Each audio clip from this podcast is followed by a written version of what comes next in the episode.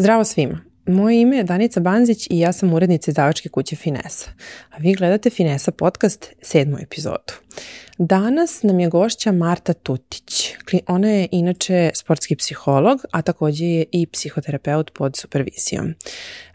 Marta radi sa sportistima, ima značajno iskustvo i ono što u ovoj epizodi dijeli sa nama jeste kako zapravo se sportisti, znači kao mladi ljudi opredeljuju za sport kao profesiju, kako to izgleda u porodičnom kontekstu. Pored toga govorimo i o tome kako izgledaju panični napadi u sportu, kako se generalno generalno e, sportisti sa njima suočavaju, kako ih razrešavaju.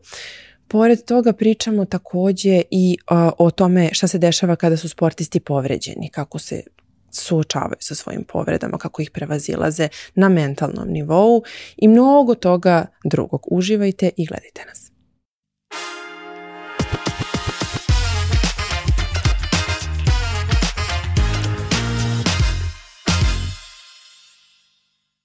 E, ja barem ovako kad razmišljam o sportu, čini mi se da je to jedna privilegovana profesija kada pričamo o profesionalnom sportu.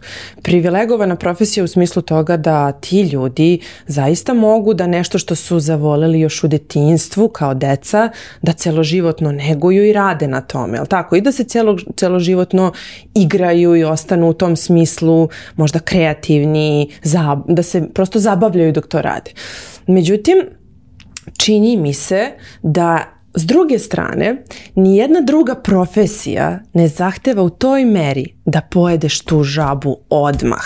Jer čini mi se da druge profesije mogu sebi možda da dozvole prokrastinaciju, pa možda malo da pomerimo rokove. Ali ovo ako pričamo o sportu, čoveče ti imaš utakmicu, ti nemaš izbora. Ako moraš da ustaješ svakog jutra u četiri ujutru da ideš na trening, da trčiš, da ne znam šta god treba da radiš, ti zaista nemaš mnogo vremena za, da razmišljaš o tome. Ti moraš da ustaneš i pojedeš tu žabu. Šta ti kao sportski psiholog kažeš na sve to?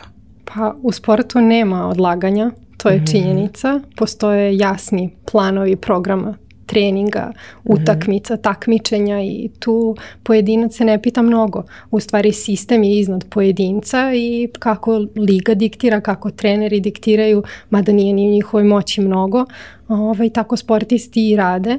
Tako da u tom smislu potrebna je dosta onako jasna ovaj, disciplina, usmerenost na cilj, a cilj može biti individualni, može biti timski, zavisi od sporta, ali svaki sportista ima neki svoj cilj za svoj sport.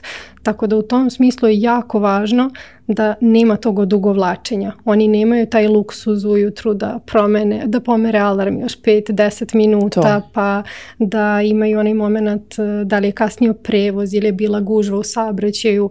E, profesionalni sportisti su kažnjavani ako kasne na treninge i mm. nekada može se desi da iako dođu par minuta kasnije ne mogu uopšte je prisustvuju treningu, a ne da učestvuju, a samim tim onda ne mogu ni da se takmiče kasnije. Tako da u tom smislu disciplina kod njih i poštovanje tog plana satnice jako važno. Mhm. Da li to ostavlja prostora upravo za ono što sam pomenula malo čas za, za, da se za, zabavu, ali ne u smislu zabavu kao sad da, da li mogu ja pored sporta da se zabavljam, nego da li to ostavlja vre, mesto da se zabavljaš dok sve to radiš? Verujem da da. Iz iskustva rada sa sportistima rekla bih da se oni zabavljaju i njima je i trening zabavan koliko god bio fizički a i mentalno naporan. Mm Opet je njima zabavno jer mhm. rade ono što vole. Ok, to mhm. jeste s jedne strane posao kao i svaki drugi. To što mhm. sam ja sportski psiholog, a neko je futbaler ili košarkaš, prosto to je naš posao. Ali sa druge strane ima upravo to što si ti pomenula. Od detinstva oni neguju tu ljubav prema sportu, a danas imaju tu privilegiju da od toga žive jako lepo, da zarađuju, da u stvari žive taj sport. Mhm. Da, to je baš lijepo. Ne mogu da zamislim da si stvarno možda ti sa, ne znam, 3, 4, 5 godine bila, aha, ja ću biti sportski psiholog, zar ne? Ili, mislim da redko, stvarno, zato kažem privilegovana profesija, zato što redko ko od nas je mogao da zna, ja stvarno nisam znala čime ću se baviti. Mislim, znam što sam želela i to je moglo negde da, da nasluti sve ovo, ali opet... Da. Pa mislim čak smo i u srednjoj školi kada se opredeljujemo da li ćemo na mhm. fakultet ili želimo da radimo u nekoj struci, ovaj, mislim da smo i tad mladi da, donosimo te dugoročne odluke i da u stvari da životne, a nekako sportisti imaju tu mogućnost da ako su se u mladosti, u detinjstvu opredelili za neki sport, ok, mogu da ga promene, ali mm sa mhm. druge strane ako tu već postižu neke rezultate, oni tu vrlo verovatno i ostaju. Da. A ne znam, neko moje viđenje, ja nisam, bog zna kakav, ne znam, pratila sportova i, i, fan nekih klubova, ali prosto ne mogu da zaobiđem to, jel tako? Imam i brata i muža i tako da ne mogu da zaobiđem, ali čini mi se da se nikada o mentalnoj snazi nije toliko govorilo kada pričamo o sportistima koliko danas. Neki, neki od njih su čak i promoteri upravo e, e, te vrste self care kao nege o sebi. I, i najpopularnijim među njima, rekla bih, a evo pitaću i tebe da li, si saglasan sa tim, su i samim tim što su preizloženi, prepopularni, imaju dodatnu vrstu e, potrebe upravo za tom mentalnom snagom da bi prosto odgovorili na sva očekivanja koje se nameću kako iz neposrednog okruženja, tako iz nekog šire kruga, pa eto i od samih, kako bih rekla, gledalaca, pra, oni koji prate taj sport. koliko su, koliko je zapravo mentalna snaga važna? Jasno mi je da jeste, ali ti nam reci kako, kako je tvoje viđenje toga. Mhm. Ono što si pomenula jeste dosta značajno to da se sada malo više govori o mhm. toj mentalnoj pripremi i važnosti mentalnog zdravlja i mentalne pripreme kod sportista. Ranije to onako nekako vrlo stidljivo. Nije se ni pominjalo, čak i ako je neko praktikovao neke tehnike i radio sa nekim, držalo se to poprilično u tajnosti. Danas mi se čini da se situacija postepeno menja na bolje i da se o mhm. tome dosta više priča. Mentalna snaga je jednako važna kao i fizička. Jer prosto da bismo mogli da trčimo, da budemo na utakmici, meču, koji god da je sport u pitanju, e, ne treba samo telo da radi, treba da radi i um. I onda je jako važno da kao što negujemo telo, tako i negujemo i um. I upravo to je ono što dobijemo kroz mentalni trening. Mentalna snaga se vežba. Da mhm. prosto svi smo rođeni sa određenim kapacitetom i na nama je da iskoristimo taj kapacitet, da ga nadograđujemo i da to mhm. koristimo u svoju korist, u smislu da nam to pomaže da dođemo do nekih svojih ciljeva i mhm. do određenih rezultata. Tako da smatram da je mentalna snaga dosta važna i da bi trebalo više pažnje sportisti onako globalno da poklanjaju tom aspektu zato što je to ono što ih priprema za prepreke, za neočekivane situacije, da na neki način budu spremni za nešto što može potencijalno da se desi bez da se pravi strah, možda ćeš se povrediti, ne, nećemo da razmišljamo tako, ali je važno da znamo kako da reagujemo ukoliko do povrede, na primjer, dođe, što je kod sportista dosta često i mhm. da onda na adekvatan način reagujemo reagujemo i da mhm. se sa time nosimo. Tako da u stvari pored tih um, priprema mhm. za te nepredviđene situacije, mentalna snaga je i tu da nas e, podrži, jača naše samopouzdanje, motivaciju, fokus, e, ojačava našu disciplinu. U stvari kroz rad sa sportskim psihologom sportisti uče sve ove stvari i ako nešto od toga znaju, ne dolaze oni kao tabula raza i sad krećemo od nule, ali dosta toga uče ili uče na neki nov način kako da to primene u svom sportu. Ono što još mhm. postoji kao opcija jeste da oni neke od tih stvari znaju i primenjuju u privatnom životu, van mhm. sportskog konteksta, u sportu ne nalaze nikakvu paralelu i ne mogu to da primene ne mhm. uviđaju tu neku drugu perspektivu i onda smo u stvari moje kolege i ja tu da im ponudimo tu drugu perspektivu. Da, um, rad sa psihologom je, je izuzetno važan, jel tako, svakome. A sad razmišljamo o njima, ne radi se više ni samo o mentalnoj snazi, nego i ako pričamo i o emocionalnoj inteligenciji, opet se vraćam na ono što bi moglo da budu stereotipi, jel tako? A to je kao, znaš, ako oni imaju tu neku vrstu telesne snage, kao fizičke, da, da kažem, da, dominantnosti, ja bih možda, možda je negde stigmatizovana ova emocionalna strana, kao da se radi na emocionalnoj strani, kao mm. otprilike sad ti da kažeš kao je super, kao ne znam, super vrhunski sportista, nebitno kao u kom sportu, ovaj, ali eto, znaš, on ide kod psihologa, razrađuje svoje neke životne obrazce i tako dalje. Ovaj, čini mi se da ipak dotle nismo dobacili, ovaj, to, je, to su onako škakljive teme i malo ko će priznati i reći, e, znaš šta, ja idem kod psihologa i stvarno mi je pomogao, pomogla i radimo na nekim stvarima, a ti najbolje znaš da zaista zaista te emocionalne strukture mogu i kako da se odraze, jel tako? I na, na, da kažem, na igru. Kako ne, pa sportisti nisu pošteđeni tih nekih životnih stvari koje prolazimo svi mi koji nismo sportisti. Oni kod kuće imaju neke e, porodične probleme, konflikte sa partnerima, partnerkama, prijateljima.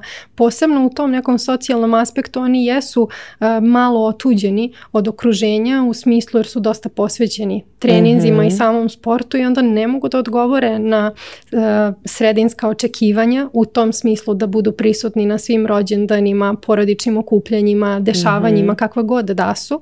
I onda tu postoji nekako problem, e, čini se da, da postoji to verovanje da sportisti mogu i stižu sve, a apsolutno nije tako. I onda naravno da njih preplave te neke stvari i ta očekivanja i da i oni imaju emocije, nisu roboti i utiče sve to na njih. Ali tu da li se to mm. onda odrazi na, na njihov, ne znam, prosto kao na da, igru? Da, na ono- njihovu igru, na performans svakako da, zato što prvo što tu strada je samopouzdanje. Zato što je za samopouzdanje osim naše unutrašnje samopodrške potrebna i podrška okruženja. I mhm. onda ako nas neko vidi kao slabe, iz okruženja mi poverujemo u to da, da smo slabi i onda odemo na teren i ne odigramo najbolje moguće jer e, više verujemo sudu drugih ljudi iz svog okruženja nego što verujemo sebi. E, povežemo to sa nekim slabostima u mhm. smislu imao sam neki e, lom na emotivnom planu bilo da je u partnerskim odnosima ili porodičnim i onda neko drugi od prijatelja na primjer to iskomentariše pa kako je to moglo tebe da pogodi ti si tako jak, tebe ništa ne pogađa ti si stena, mhm. a oni nisu stena u stvari. S polja možda da, deluju svima nama kad ih tako gledamo na terenu, ali unutra se odvija svašta nešto kao i kod svakoga od nas. Da.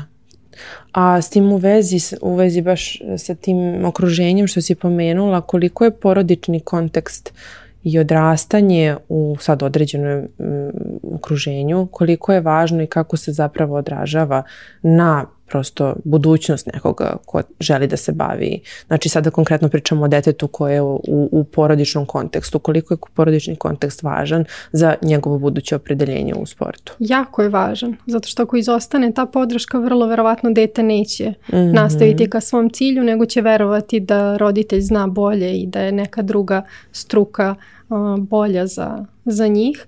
E, imam e, u svom iskustvu rad sa sportistima koji su uprkos želji roditelja nastavili da se bave sportom i sada prave sjajne rezultate, ali tu postoji veliki problem u porodičnom sistemu gde otac ili majka e, ne prihvataju taj sportski aspekt te osobe i onda ih ne vrednuju e, na adekvatan način i na pravi način zato što ih gledaju kroz školu, kroz obrazovanje. Imam jako uspešne sportiste koji i studiraju ili su završili fakultete i roditelji ih u stvari vrednuju samo kroz taj fakultet, kroz ocene koje su mhm. dobijali tokom studija, a taj sportski deo im je potpuno nevažan i ukoliko se desi da, ne znam, dobiju sedmicu, osmicu ili koju god ocenu, a da nije desetka, oni to povežu, to je zato što si bila bila na treninzima, eto da ne posvećuješ toliko vremena mm trčanju, to sad ne bi bilo tako.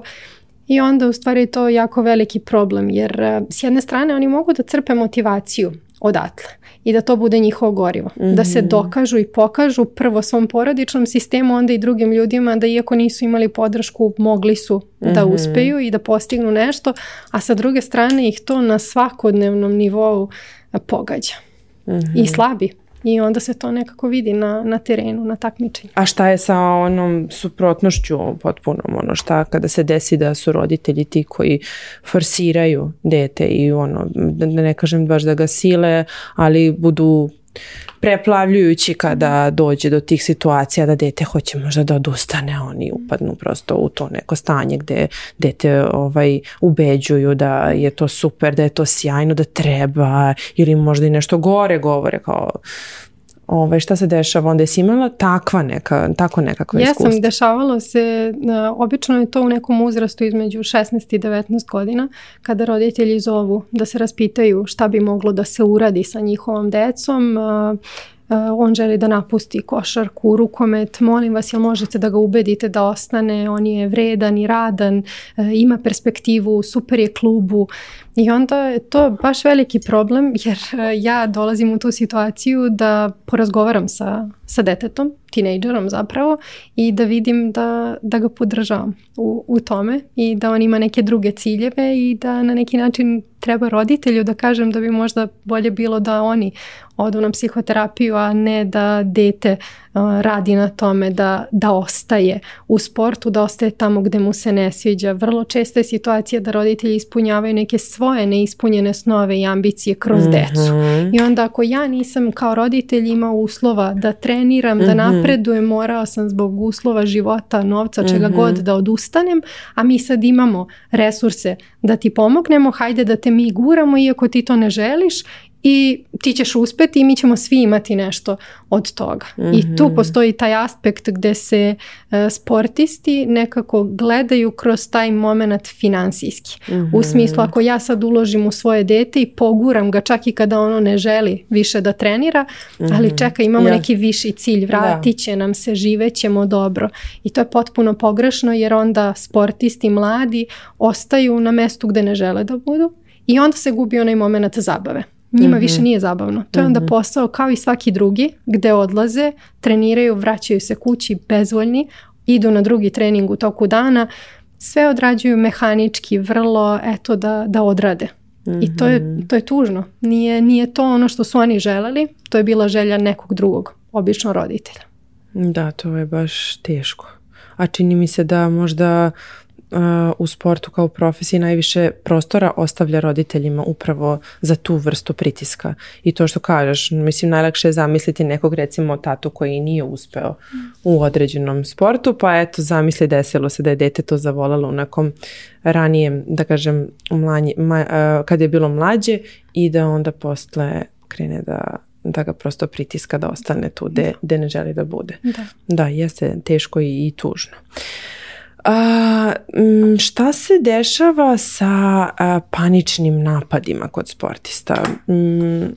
ja nešto nemam, prosto nemam sliku o tome, oni uvek nekako deluju spremno, to je ovo što smo pričali, da oni generalno za javnost izgledaju vrlo, vrlo spremno, vrlo odgovorno, kao jako dominantno i onda zapravo sam negde prateći tebe upravo uvidela da, da, da postoji potreba upravo za radom na, na tim tehnikama, tehnikama kako da se zapravo prevaziđu ti panični napadi. Kada se oni najčešće dešavaju? Da, panični napadi su mnogo češći nego što mi mislimo. Mhm. E, kada gledamo upravo tako sportiste na, na terenu, e, sve to izgleda onako idealno, ali smo imali mhm. priliku na, na raznim nekim turnirima, takmičenjima da vidimo momente kada sportisti e, doživljavaju mhm. panične napade. U sred igre. U sred igre, da. I onda meni je zanimljivo da pratim kako sportski komentatori to iskomentarišu. I ok, to nije njihov deo posla, ali se obično umanjuje to što se sportisti u tom mhm. trenutku dešava i povezuje se sa strahom. On se uplašio pa sad reaguje ovako ili ukoliko je mlađi sportista, eto neiskusan je eh, pa se izgubio na terenu, a mhm. u stvari se ne razmišlja o onoj drugoj strani da je to potencijalno bio panični napad i da je neka anksioznost tu pokrenuta iz različitih razloga. Mhm. Eh, kad se obično i najčešće javljaju pred takmičenje, najčešće, ono što ja mhm. vidim u, svojoj praksi, e, ta neka pretakmičarska anksioznost e, mhm. koja može da dovede do paničnog napada gdje sportisti ne znaju šta ih je tačno snašlo. Mhm. I onda dođu, sastanemo se i kažu znaš šta mi se desilo, potpuno ne mogu da dišem, borim se za dah, imam utisak kao da se sve oko mene Stežu vrti, grudi, pomira. Upravo to i kao šta je meni, šta nije u redu sa mnom i onda u stvari pokušam da im objasnim da je to normalna reakcija na ne normalnu situaciju. Nenormalno u smislu takmičenje je. I svako se na neki način nosi sa tim, e, kao i tokom škole, kontrolni, na fakultetu. Ja sam imala to i pred svaki test koliko god bila spremna, postojala je ta neka doza straha, treme, e, uzbuđenja Mhm. I onda u stvari mi, mi radimo na tome da prihvatimo da je to sastavni deo života, ne samo mhm. sporta i da se to mnogim ljudima dešava, nego često nismo ni svesni da, da nas je to zadesilo. Tako da e, ono što imamo kao dobar primer jeste golman Livaković e, hrvatske reprezentacije na svetskom mhm. prvenstvu u Kataru je na golu u toku utakmice doživeo panični napad. Mhm. I e, ono što je dobro što je uradio, on i radi sa nekim od mojih kolega iz Hrvatske, jeste da je legao na, na travu i razgovaraju sa sobom i e, ponavljaju određene rečenice, nije moglo jasno da se vidi na, na TV-u šta je ono što, što on govori, ali to je neki self-talk koji je uvežban unapred i taj moment ležanja na podlozi kao neki vid uzemljenja da se vrati u sadašnji trenutak i on je posle par sekundi, 10 do 15, ustao i ponovo bio na golu i nastavio da, da igra i da brani. Mhm. Tako da je to eto bilo e, zanimljivo, bar iz mog ugla, posmatrati kako njega taj panični napad nije preplavio, vrlo verovatno zato što je znao kako da reaguje u mhm. datoj situaciji. A kada se desi prvi put, ok, svako mora da prođe kroz to ko se suočava sa paničnim napadom mhm. prvi put, nije nam sve jedno.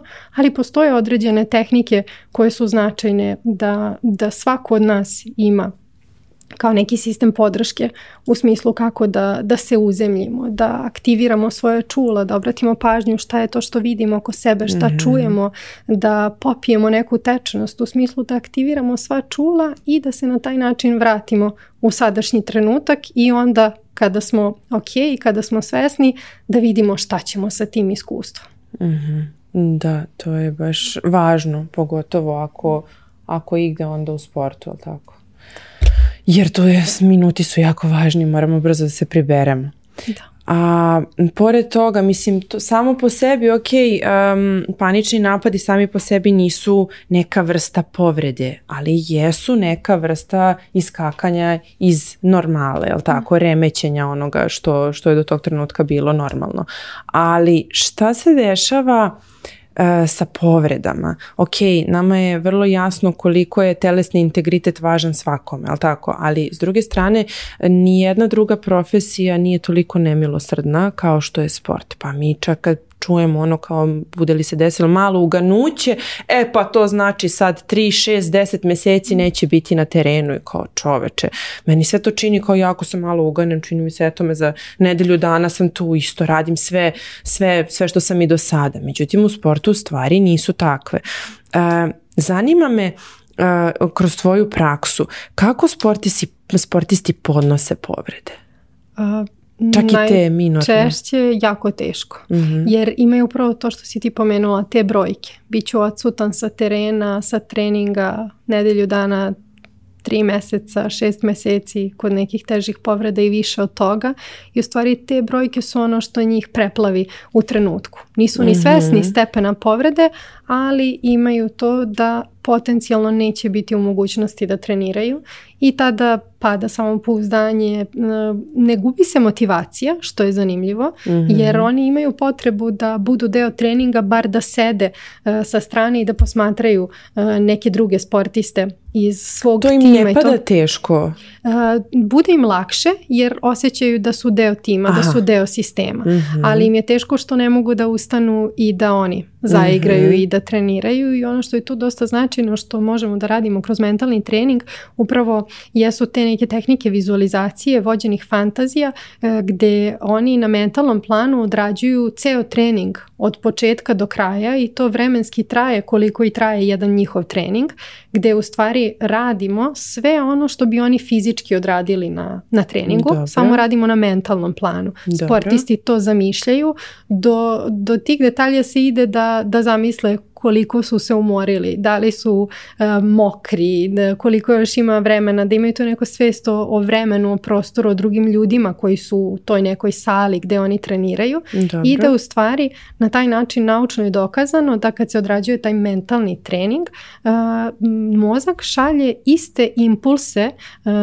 telu, mišićima kao da se radi fizički trening. mm E mhm. sad, to ne znači da ja mogu da, da ležim i da zamišljam da treniram tenis i da imam rezultate, ali je to način da se u tom periodu povrede, oporavka nekako održi da. E, telo i da se nekako mišići zapamte sve ono što je rađeno do trenutka povrede da bi se kasnije vratili lakše na, na treninge i na teren i ono što rađena su neka istraživanja gde su se upoređivale situacije sportista koji su praktikovali mentalni trening i koji nisu u periodu E, oporavka od povrede i da su ovi koji su praktikovali mentalni trening značajno lakše imali taj značajno lakši povratak na treninge i na teren sa manje straha od nove povrede. Mhm. I to je dosta značajno jer je to ono nešto što sportiste prati. Ne mhm. odlaze na svaki trening i svaku utakmicu sa tom mišlju da će se možda povrediti, ali uvek to negde u podsvesti stoji i onda na ovaj način kroz mentalni trening oni mogu da, da budu osnaženi da iako do povrede dođe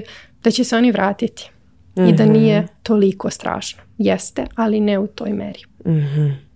A pomenula si malo čas kao koliko im je značajno kad su povređeni da ostanu makar na klupi, da budu tu sa svojim timom. Mhm. I u timskim sportovima, sada govorimo o njima normalno, šta se dešava da li si ti nailazila na to? Da neko baš, premda je u uh, timskom sportu, košarka, futbal, nešto već, slično tome, ali da nije, nije baš dobar timski igrač i da morate da radite na tome. Jer prosto meni sad to deluje kao ono, uh, nekako mi se uh, ne podudara sa realnošću u smislu toga, ok, ti voliš, preferiraš taj sport, obožavaš ga i želiš da se baviš njime, ali kao nisi timski igrač. Ali taj sport je timski sport. Razumeš kao, pa u tom smislu totalno mi je kontradiktorno. Ja se dešava to? Dešava se zato što sportista bira sport, a ne bira saigrače. dolazi u mhm. klub gdje već postoje određeni igrači ili dolaze novi i mhm. kao i u bilo kom kontekstu ne odgovaraju nam svi ljudi. I onda ono što se u tim situacijama dešava jeste da treneri angažuju mene ili nekoga od kolega da im pomognu da vrate taj timski duh i tu timsku koheziju upravo iz tog razloga što na primjer odnos jednog igrača prema treneru i ekipi ili međusobni odnos dva igrača utiče na ceo tim i samim tim na, na performans i na rezultate. Mhm. Tako da postoji ne da oni nisu u dubini duše timski igrači, ali da im prosto neki saigrači baš i ne odgovaraju, da postoji neki konflikt koji je možda prosto vezan za nešto privatno van terena, mhm. ali da oni nisu e, skroz svoji na, na terenu. I ono što, što je tu dosta značajno jeste imala sam tu jednu situaciju mhm. gdje su u stvari e, dva igrača, dva košarkaša uspela na kraju da reše e, taj svoj konflikt. Jedan od njih je dolazio kod mene, drugi nije i nije imao uopšte uvid da postoji konflikt. A mhm. ovi drugi koji je dolazio kod mene je došao sa tom temom da ga taj konflikt dosta muči. Mhm. I onda smo radili na tome kako da se e, pristupi u stvari u, toj situaciji kako da odreaguje i došlo i do razgovora između njih dvojice e, direktnog gdje je moj klijent doneo e, to kao temu i poželeo da razgovara e, sa svojim saigračem i da to reši i oni su nekako nisu postali najbolji drugari, ali su uspeli da reše to da u timu funkcionišu kako treba, pa kad izađu iz slačionice više nije ni važno. Mhm. Da. Znači nije samo kao u filmovima, jel tako? Da se ono kao odjednom desi prosto taj moment spoznaje i uvažavanja i odjednom su najbolji drugari ikada. Nego to je prosto... bio proces, trajalo je poprilično dugo i mhm. moj klijent se dosta teško nosio sa tim jer se osjeća ugroženo u toj situaciji od strane saigrača, a mm. saigrač to uopšte nije posmatrao tako. I onda dok su mhm. došli do toga da sagledaju obe perspektive i da vide šta tu može da, da se uradi, e, došli smo do toga da, da imaju taj rezultat u smislu da su na terenu dobro, da sarađuju da. kao i na treninzima, a kasnije prosto biraju da li žele da se druže ili ne. To je na njima. Da. E, pomenula si sada proces i koliko je teško sportistima da odvoje proces od rezultata ili cilja nekog da kažemo. Ok, želimo da osvojimo sad neko prvenstvo, neki kup, nešto, a s druge strane ovaj, to sve podrazumeva jedan dugoračan proces. Koliko im je teško da ne skliznu upravo u tu krajnost, da odu i da se bukvalno da, da, da samo razmišljaju o cilju, da zanemaraju proces, da se troše u tome do te mere da izgaraju i da možda u, baš zbog toga ne stignu do samog cilja. Da, vrlo često se to dešava jer imam utisak da od malih nogu kad uđem u sport gledano iz svog iskustva dok sam bila u treningu, u timskom sportu, e, usmereni smo na rezultat. I važno je da se ode na utakmicu i da se pobedi. A kako će se tačno doći do te pobede, ok, mi treniramo, ali potrebno nam je još nešto, određeni alati kako da se nosimo sa tim ako do pobede ne dođe. I onda vrlo često sportisti dolaze kod mene i to je ono što prvo žele, savjet kako da se poboljšaju. Dobro. I ja kažem ok, to je proces, moramo da vidimo e, šta sve to obuhvata. I Kako da se poboljšaju da bi krajnji taj performans bi, bio savršen. Tako je, da, da. Ili često dođu par dana pred samo takmičenje i mhm. kažu ja imam takmičenje u subotu, e, šta možemo sad da popravimo. I ja onda kažem, sad ne možemo ništa. Zato što imamo jako kratak vremenski rok da nešto popravimo. Možemo da, da unapredimo, da pričamo o tome, pa da oni sami nakon našeg razgovora dođu do nekog uvida, ali da napravimo neko čudo za dva, tri dana, eh, to ne možemo. I upravo taj uvid da je ovo proces i da traje je nešto što je njima onako dosta veliko i mhm. teško i nije im baš najjasnije, ali onda kada uđemo u čitavu priču mentalnog treninga shvate da za neke e, stvari jeste potrebno vrijeme, Ja to upoređujem sa vezivanjem pertli kada učimo kada smo mali. Mhm.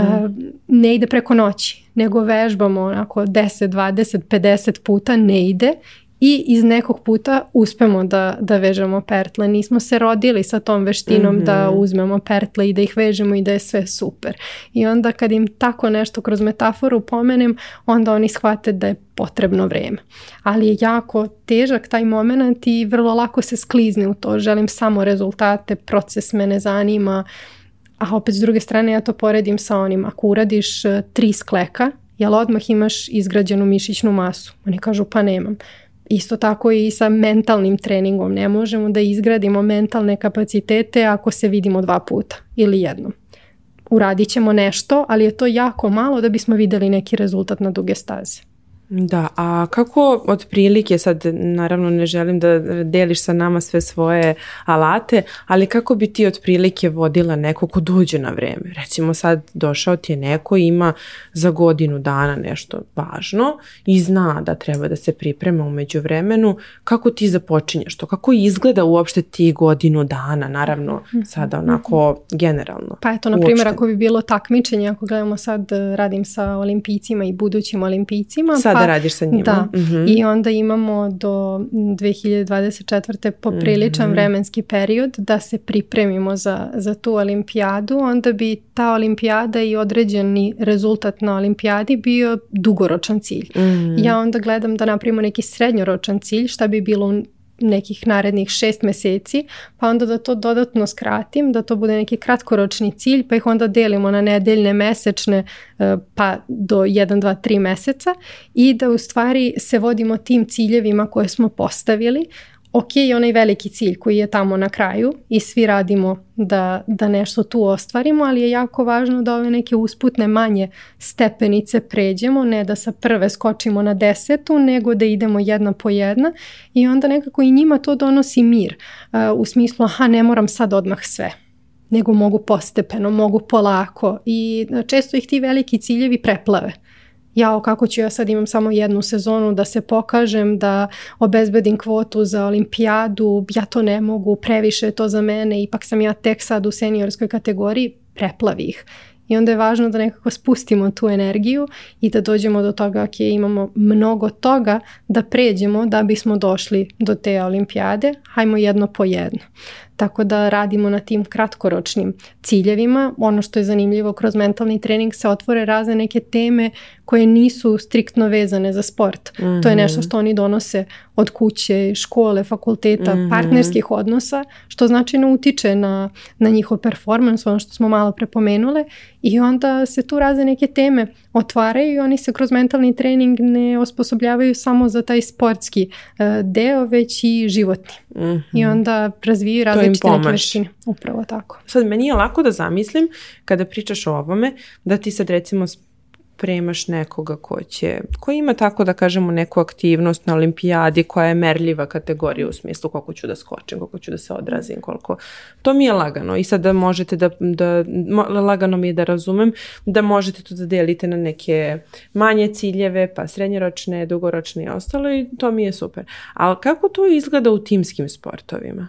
E, šta podrazumeva, šta bi, šta bi, kako, bi se, kako se to meri? Sad možda je to nešto što je tebi vrlo poznato i vrlo logično, očigledno meni nije, tako da zato mm. baš me mhm. zanima. Šta, šta onda vi postavite kao neki srednjorečan cilj? su to neke, e, da kažemo, ne znam, predispozicije za nešto, pa sad kao testirate koliko mogu da, ne znam, trčim izdržljivost u nečemu ili prosto me zanima kako to je, kako merite to? Da, pa gledamo onda e, dve stvari. S mhm. jedne strane gledamo te timske ciljeve i mhm. vodimo se njima. Ako je to da Koliko je bilo dodavanja tako i tako je, to. Mhm, tako je, da i e, u smislu uh, e, gdje tim želi da, da se plasira, koje mesto da osvoji na tabeli i to je ono nešto što nam je okvirno, što imamo u glavi kao neki cilj na kraju puta.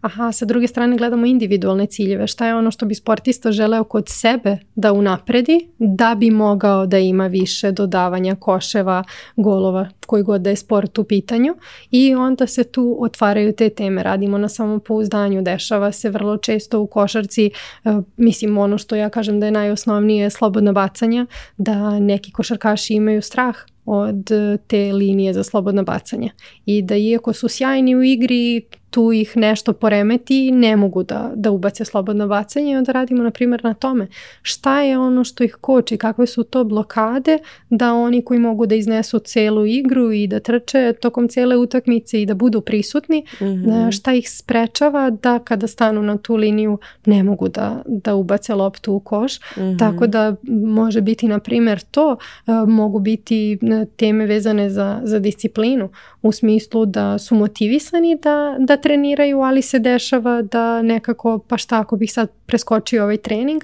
ne bi mhm. se desilo ništa strašno, ok, umoran sam, stomačne tegobe, šta god, nadoknadit ću na, na sljedećem treningu i to je ono što sam radila sa jednim sportistom. E, desilo se da im je trener bio odsutan zbog nekih reprezentativnih obaveza i oni su ostali sa pomoćnim trenerom i instrukcijama od glavnog trenera da treniraju sami u, u teretani i to je trajalo nedelju dana. Za tih nedelju dana on i njegovi saigrači su svaku vežbu pomalo skratili. U smislu umjesto 12 ponavljanja radili su po 10, tako se radi na minutaži, skraćivali po par sekundi i smatrali su trener nije tu pa mogu oni to nekako da, da provuku e, i onda sam ja nekako izvukla kao statistiku koliko je to minuta ponavljanja vežbi koje on konkretno nije uradio za tih nedelju dana i gde njega te propuštene vežbe i minuti eh, vode.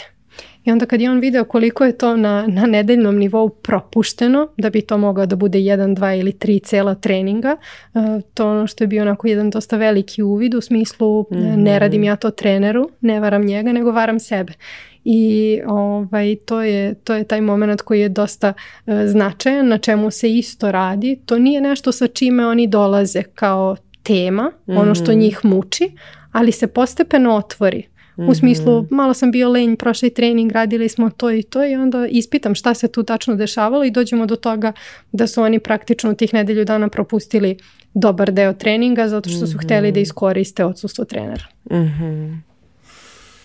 Da, dobro, znači ništa ne može da ti promakne.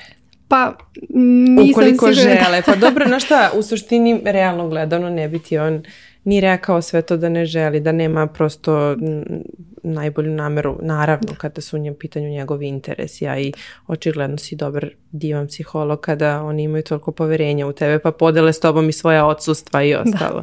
Super. A reci mi, E, citirat ću sada nešto. Kaže Draganja Ćimović, naš alpinista koji je osvojio monteverest. Mhm.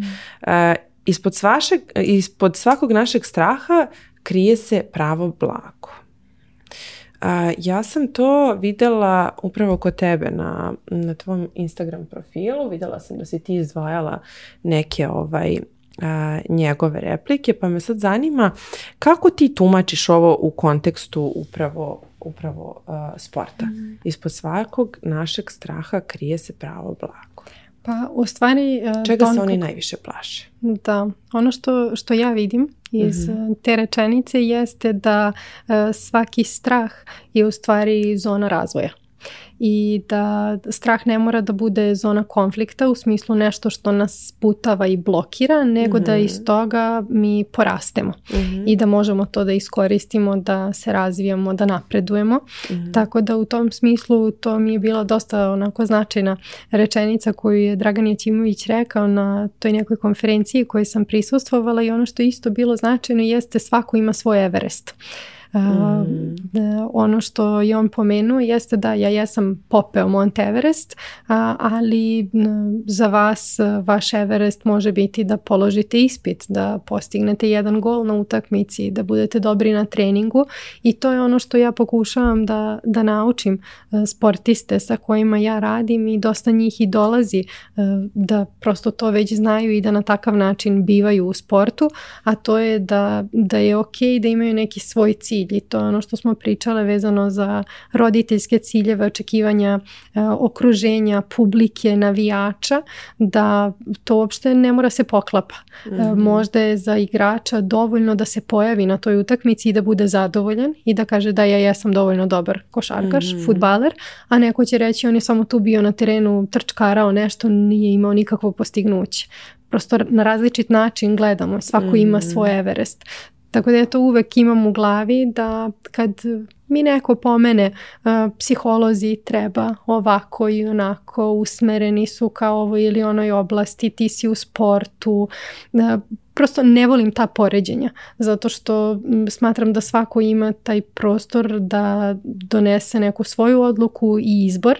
E mhm. tako i sportisti biraju šta će biti njihov Everest u smislu da li je to samo da su prisutni na terenu ili da postignu 30 poena u košarci ili je to gol ili šta god daje. Tako da, no, a da se vratim na ovu temu vezano za, za strah. E, čega se boje? E, boje se i uspeha i neuspeha i to je ono što meni jako zanimljivo. Kako se plaše uspeha? u smislu da im je preplavljujuća, posebno ako su mladi.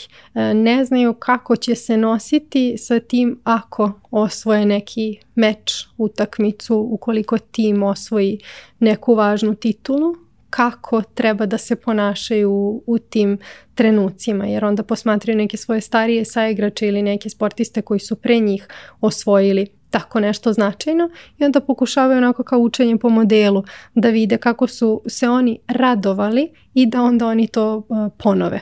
A u stvari je tu ona ideja autentičnosti jako važan da ono kako oni osjećaju u datom trenutku da se tako i ponašaju, raduju, da li će da skaču po terenu ili će samo da uzmu medalju pehar i da odšetaju, da je sve to ok.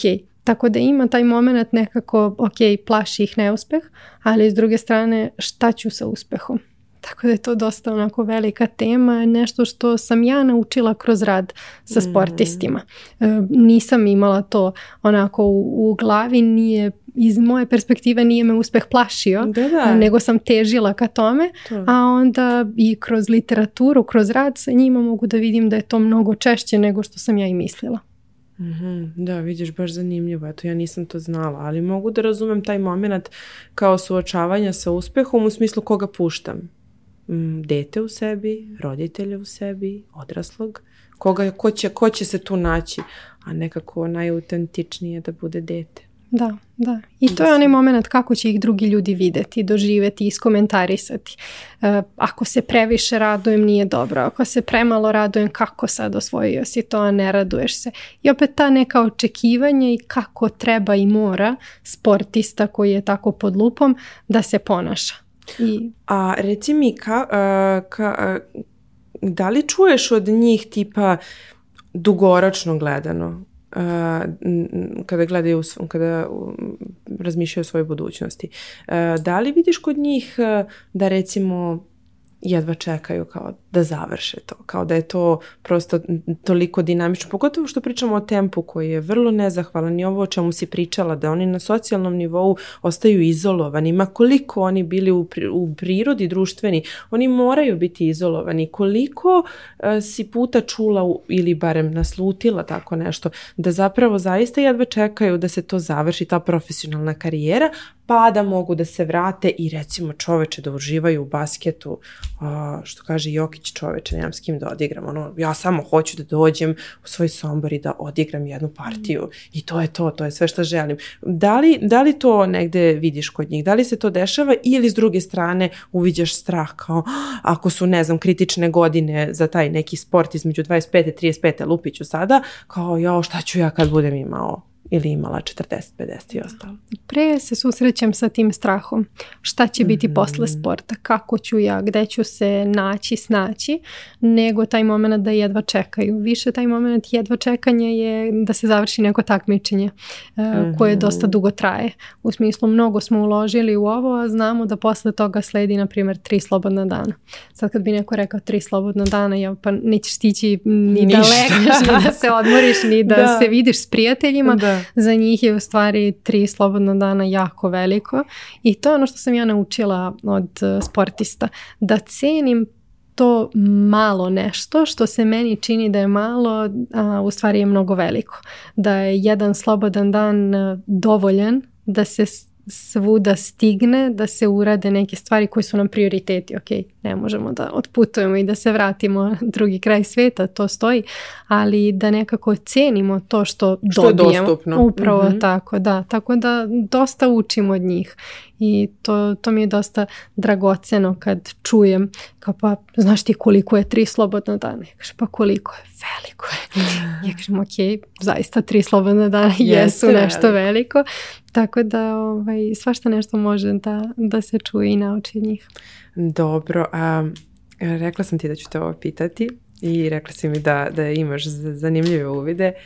Koji su sportisti, baš me zanima, najsaradljiviji i, i, i baš ono to ko, je onako najrigidniji kada govorimo o, upravo o ovome, rad sa psihologom, rad na emocijama, na mentalizaciji, sve ono što je važno, o čemu smo sad govorile, ko, ko su ti ljudi, ko su te, koji su to sportovi koji su, da kažemo, malo onako rigidniji, ovaj, ako su ljudi koji, koji su potpuno otvoreni, slobodniji? Da, mogu to da, da onako na više slojeva mhm. posmatram. E, ne znam koji bih tačno sport e, izdvojila.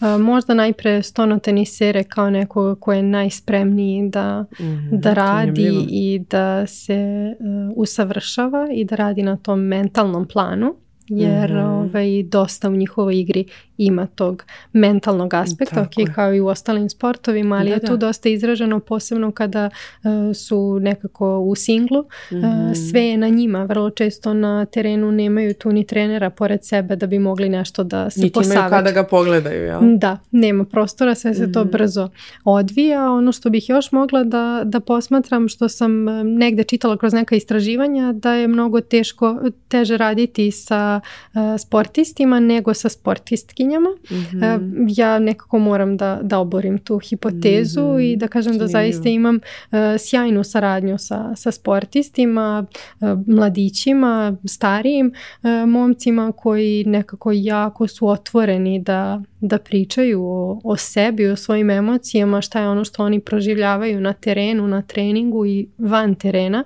Tako da je to ono što je dosta značajno. Jer tu mhm. postoji onaj moment e, dečaci ne plaču, a, mhm. a za devojčice je to ok. I onda isto tako da, da su momci jači u sportu i mhm. da otporniji, a da su nekako tu devojke slabije, uopšte nemam takav utisak i još jedan sloj koji sam primetila kroz praksu jeste da taj neki uzrast od 7-8 godina do 13-14 je jako težak jel, sam po sebi, mhm. a posebno u tom momentu gdje ja, na primjer, na nekim grupnim radionicama izađem kao sportski psiholog, i onda oni nekako ne vide zašto sam ja tu jer oni ne vide da imaju bilo kakav problem jer je njima najčešće kroz školu prezentovano da se kod psihologa ide samo kad si nemira, nisi problem dobar, imaš problem. Mhm. Da. I onda je jako teško prići im. Ali se tu dosta vide i neka uverenja koje dolaze iz kuće, iz mhm. porodice, da, da li je psiholog i odlazak na terapiju, tabu tema ili se o tome otvoreno govori. Tako da, na primjer, radila sam sa mladim košarkašima tog uzrasta. Bilo je jako teško. Ono što, što mi je bilo zanimljivo, jedan klinac me je pitao jeste li vi doktorka za koleno. On je to nekako povezao da li sa fizioterapeutom ili šta njemu se tu sve izmešalo i on je bio otvoren da čuje šta ja to imam da im kažem.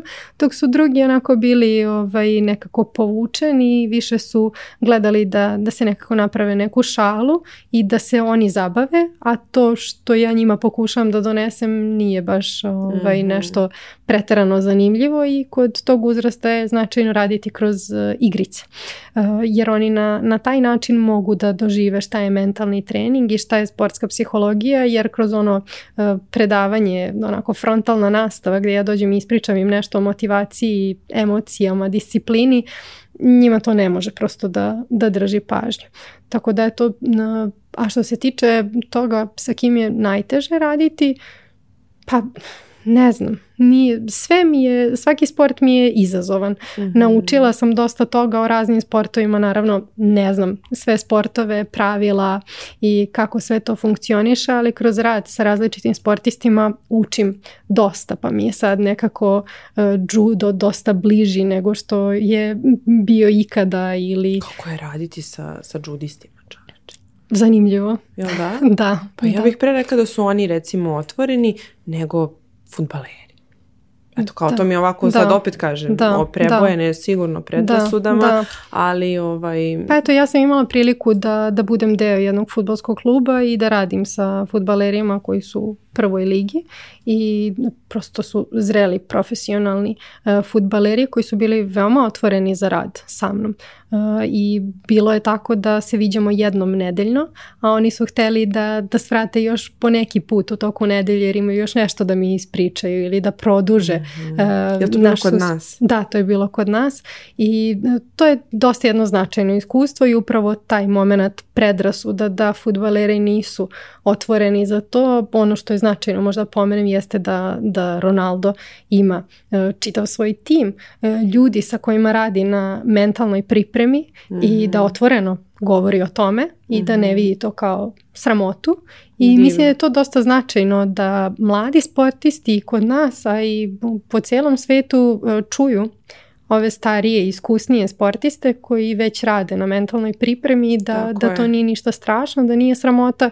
i da treba ulagati u to kao što idu van sezone kod privatnih e, trenera i rade na kondiciji i fizičkoj spremi, da isto tako imaju mentalne trenere ili sportske psihologe sa kojima će raditi na mentalnoj pripremi.